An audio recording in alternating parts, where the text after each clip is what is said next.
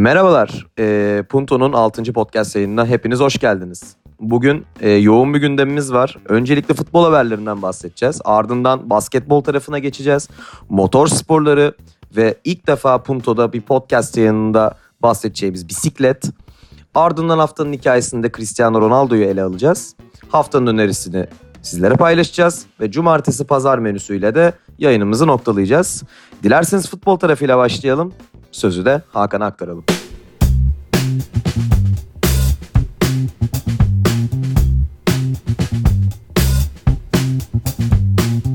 Teşekkürler Can. Ee, futbolda gündemin en başında e, Leeds United'ın 16 yıl sonra Premier Lig'e geri dönmesi yer alıyor.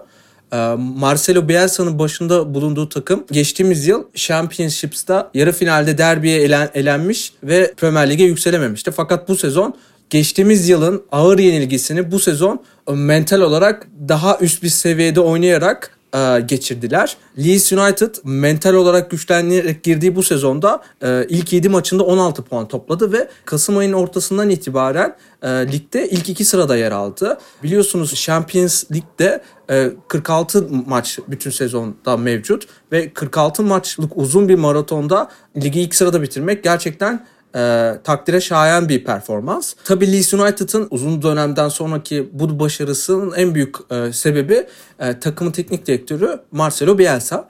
E, Marcelo Bielsa'nın uyguladığı 3-3-1-3 farklı taktiği tüm lig boyunca rakiplerini e, şaşırttı strateji olarak. Marcelo Bielsa bu sezon özellikle e, takımındaki oyuncuları mental anlamda geliştirerek kendilerinin daha iyi birer oyuncu olmalarını sağladı. E, bu şekilde kendi sistemindeki uygun rollere göre e, oyuncu profillerini yerleştirmeyi başardı. Böylece sürdürülebilir bir başarı elde edildi. Takımın geleceği için ise e, Leeds United'ın sahibi Andrea Radriazzi'nin e, planları tabii ki var. E, Premier Lig'e geri dönen Leeds'i 5 yıl içerisinde İngiltere'nin en iyi takımlarından biri haline getirmek istiyor. Radrizzani. E, bunun için de e, önümüzdeki sene e, zorlu Premier Lig maratonunda takımını daha rekabetçi hale getirmek için transfer çalışmalarına başladı Leeds United. Ve ilk hedefi de Paris Saint Germain'de kontratı bitecek olan Edison Cavani. Çok çok teşekkür ederim. Ee, o zaman dilerseniz basketbol tarafına geçelim. Basketbol için Berke'ye bağlanacağız. Berke sendeyiz. Herkese merhaba, selamlar Can. NBA'de bu hafta Philadelphia'yı konu aldık. Philadelphia 76ers'ta önemli değişiklikler bulunuyor. Bunların başında da Ben Simmons geliyor. Ben Simmons bildiğimiz üzere guard pozisyonunda oynuyor. Ancak Bubble'da özellikle Coach Brett Brown onu 4 numara yani uzun forvet pozisyonuna denedi. Ve anlaşılan o ki gerçekten beğenmiş olacak ki kendisini de maçlarda 4 numara pozisyonunda kullanmayı düşünüyor. Bu konu hakkında açıklamalarda bulundu Joel Embiid ve söylediğine göre Simmons'ın savunmada harika olduğunu ve yarı saha oyununda da onu birçok şekilde kullanabileceklerini belirtti. Ayrıca yine Ben Simmons hakkında emekli basketbolcu Benjamin Roy Armstrong belli başlı açıklamalarda bulundu. Özellikle 76ers oyuncuların üzerinde oldukça baskı olduğunu belirtti ve Ben Simmons'ın 4 numara oynamasının aslında çok güzel bir şey olduğunu söyledi. Çünkü Simmons'ın uzun forvet pozisyonunda görmeyi çok istediğini ve onun gibi hızlı, çabuk ve çevik olan bir oyuncunun 4 numara olarak daha önce izlemediğini söyledi. Çok sağ ol. Bir şeyler de ben ekleyeyim istersen. Ee, yani ben bir izleyici olarak Philadelphia'da genel olarak bir e, hücumda bir esneklik problemi olduğunu görüyordum. Sonuç olarak Ben Simmons bir numara oynadığı zaman Ben Simmons'ın şutunu rahat bırakıp çünkü kendisinin şut konusundaki kendini geliştirememesinden ötürü çok fazla kendini geliştirememesinden ötürü diyeyim. O noktaları da bu şekilde kompanse etmiş olacağını düşünüyorum.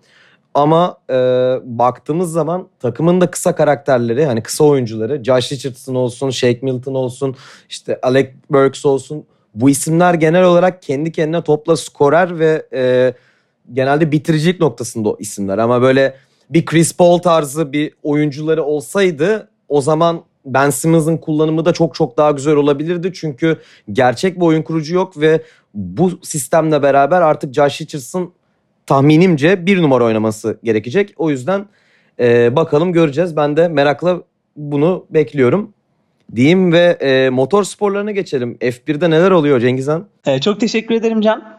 Bu hafta aslında e, Şubat ayından beri Formula 1'in gündemini meşgul eden Racing Point'in pembe Mercedes'i e, konumuz oldu. Çünkü Şubat ayında ilk olarak gündeme düştüğünde e, Racing Point'in RP20 isimli yeni aracı Mercedes'in geçen sezonki V10 aracı e, W10 aracıyla çok benzer olduğu, özellikle fren kanallarının ve aracın ayrı dinamiğinin çok benzer olduğu haberleri çıkmıştı. E, bunun ardından da FIA yetkilileri Racing Point'in fabrikasını ziyaret etti. Bu fabrika ziyaretinde de aracı tamamıyla incelediklerini ve e, özellikle de Racing Point tarafında herhangi bir sorun olmadığı söylenmişti.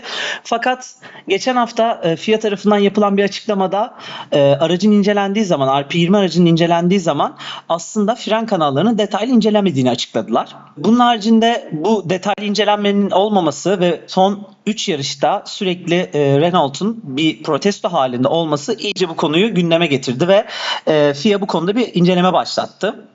Bu inceleme dahilinde de e, Silverstone yarışına kadar bu incelemenin devam edeceğini ve bu süreç içinde de Renault'un e, aynı şekilde Racing Point'in aracını protesto etmeye, protesto etme hakkına sahip olduğunu söyledi bir bakıma. Racing Point tarafına baktığımız zaman ise onlar bu suçlamaların ve bu protestoların doğru olmadığını düşünüyor. Özellikle takım patronu çok bağımsız bir araç ürettiklerini ve şey yetkilileri e, fabrikaya geldikten sonra herhangi bir sorun olmadığını ve çok mutlu ayrıldıklarını dile getirdi.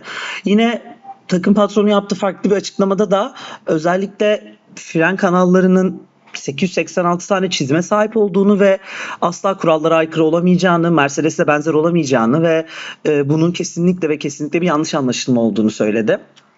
Yine Racing Point'in pilotları ise bu protestolardan aslında çok etkilenmemesine rağmen protestoların üzücü olduğunu düşünüyorlar. Ve e, kendi araçlarının kesinlikle kurallara uygun bir şekilde üretildiğini ve herhangi bir sorun olmadığını söylüyorlar. Sonuç olarak Silverstone'a kadar bu tartışmaların ve protestoların dediğim gibi devam etmesini bekliyoruz. Özellikle Renault tarafında. Ee, Silverstone yarışında, yarışında da artık bu durum bir karara bağlanmış olacak ve hep birlikte e, Racing Point'in ceza alıp almayacağını, neler olup olmayacağını hep birlikte göreceğiz. Son bir ekleme yapmak istiyorum. Birkaç bülten önce yazarlarımızdan Berke Coşkun Racing Point ve RP20'yi detaylı anlatmıştı zaten. Bu haftaki bültenin linkinden de o yazıya tekrar e, okurlarımız ulaşabilir. Teşekkürler Can. Ben teşekkür ederim. Ağzına sağlık gerçekten. Şimdi e, daha önce hiç yer vermediğimiz podcastlerimizde ve e, haberlerimizde bisiklet haberlerine döneceğiz. E, Hakan sendeyiz. E, bisiklet dünyasında neler oluyor? Teşekkürler Can.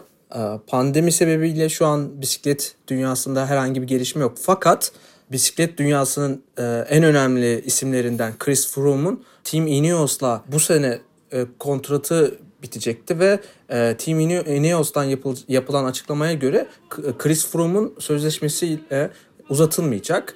Chris Froome da gelecek sezondan itibaren e, kariyerini İsrail Startup Nation takımında devam edeceğini açıkladı. Chris Froome 4 defa Fransa bisiklet turunu kazanmış bir bisikletçi. Bu kadar başarılı e, bir bisikletçi ile sözleşme, sözleşme uzatılmaması e, bisiklet dünyasında tartışmaları konu aldı. Team Ineos takımının yöneticisi Dave Brailsford takımda tek lider olmak istediğini fakat ekibin diğer üyelerinde ne de liderlik fırsatı sunmaları gerektiğini açıkladı. Çünkü e, 2018 yılında Geraint Thomas ve 2019 yılında da Egan Bernal e, Fransa bisiklet turunu kazanmıştı.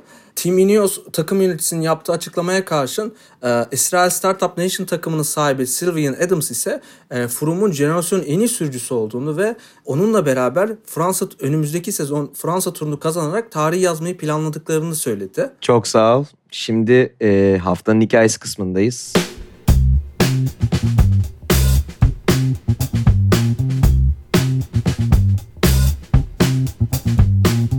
Cristiano Ronaldo'nun evrimini yani tam ismiyle Cristiano Ronaldo Santos Aviero'nun hikayesini Hakan'dan dinleyelim. E, teşekkürler Can. E, geçtiğimiz gün e, Cristiano Ronaldo Juventus'ta 50. golünü atarak e, bir ilki imza attı. Ronaldo hem Premier Lig hem La Liga ve hem de Serie A'da 50 gol atan ilk futbolcu olarak e, tarihe geçmiş durumda.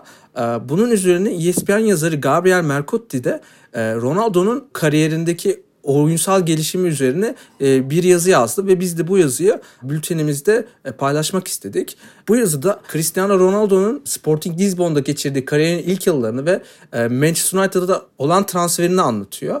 Kariyerin ilk yıllarında Ronaldo e, açık alandaki hızı, patlayıcılığı ve özel tekniğiyle e, bir hazırlık maçında Alex Ferguson'ın e, dikkatini çekmeyi başarmıştı. Manchester United'a transferi sonrası ise Ronaldo bu ham yeteneğiyle Premier Lig'de de dikkatleri üzerine çekse de verimli bir oyun ortaya koyamıyordu. 2006 yılında e, takımın en önemli oyuncusu Van Nistelrooy'un e, Real Madrid satılması sonrası Ronaldo takımın odağı haline geldi. Ferguson, Ronaldo ve takımdaki bir diğer genç Wayne Rooney'nin gelişim potansiyellerine güvenerek takımın e, hücum hattını onlara emanet etti.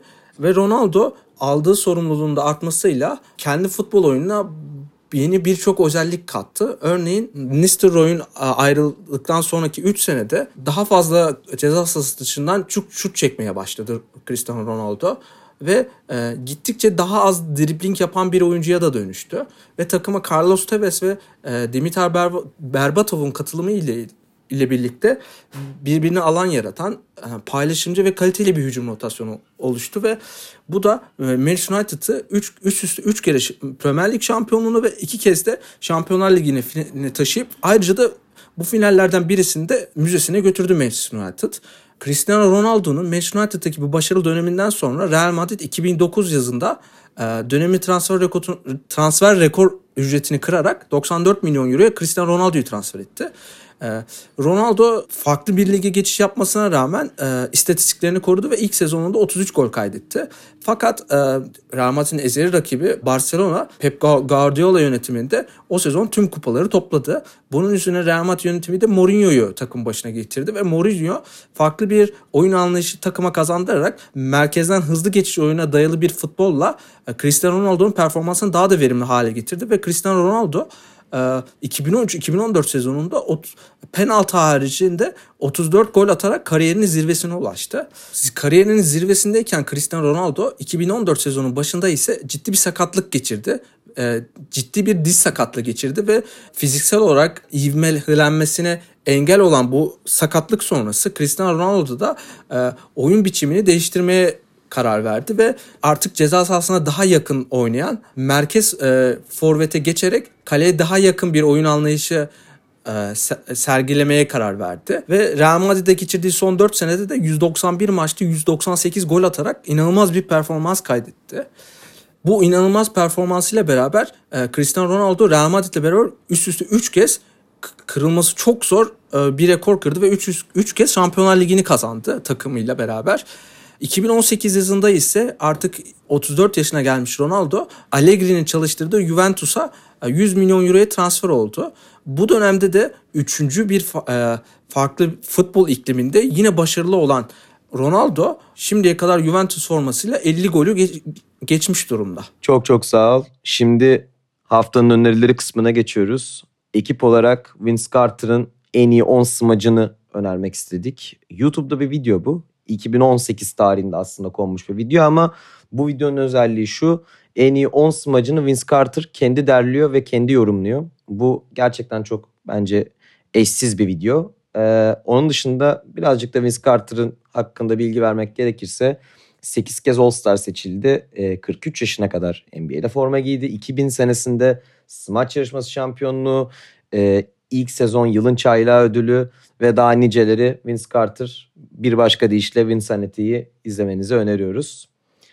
Podcast'ı kapamadan önce de cumartesi ve pazar menüsünden de bahsetmek istiyorum. E, cumartesi menüsü açıkçası birazcık pazara göre zayıf. E, cumartesi menüsünün ilk maçı olarak Genoa Inter maçını öneriyoruz ekip olarak. 20.30'da oynanacak karşılaşma ve Bein Sports 3'ten takip edebilirsiniz. 22.45'te ise Napoli ile Sassuolo karşı karşıya gelecekler. O da aynı şekilde Bein Sports 3'ten yayınlanacak. Pazar menüsüne geçecek olursak İngiltere Premier Lig'in son haftası olması sebebiyle de e, açıkçası iki maç ön plana çıkıyor. 18 seansında oynanacak bütün Premier Lig maçları ve Chelsea Wolverhampton, Leicester Manchester United maçları açıkçası Şampiyonlar Ligi'ne o son iki biletini belirleyecek maçlar olarak gözüküyor. Şayet şöyle Manchester United bu takımlar arasında en çok Şampiyonlar Ligi biletini almaya yakın taraf olarak gözükse de Leicester'ın kazanması halinde ve Chelsea'nin puan kazanması halinde Manchester United da bu şansını kaybedebilir. Derken 20-30 seansında Roma Fiorentina ile karşılaşacak. Bu karşılaşmada Bein Sports 3'ten takip edebileceğiniz bir karşılaşma. Ve son olarak da 22.45'te İtalya Serie A'da yüksek olasılıkla gördüğümüz ekip olarak Juventus Sampdoria maçında Juventus'un şampiyonluğuna ulaşacağı yönünde görüşümüz. Bizleri dinlediğiniz için çok teşekkür ederiz. Sağlıcakla kalın. Görüşmek üzere.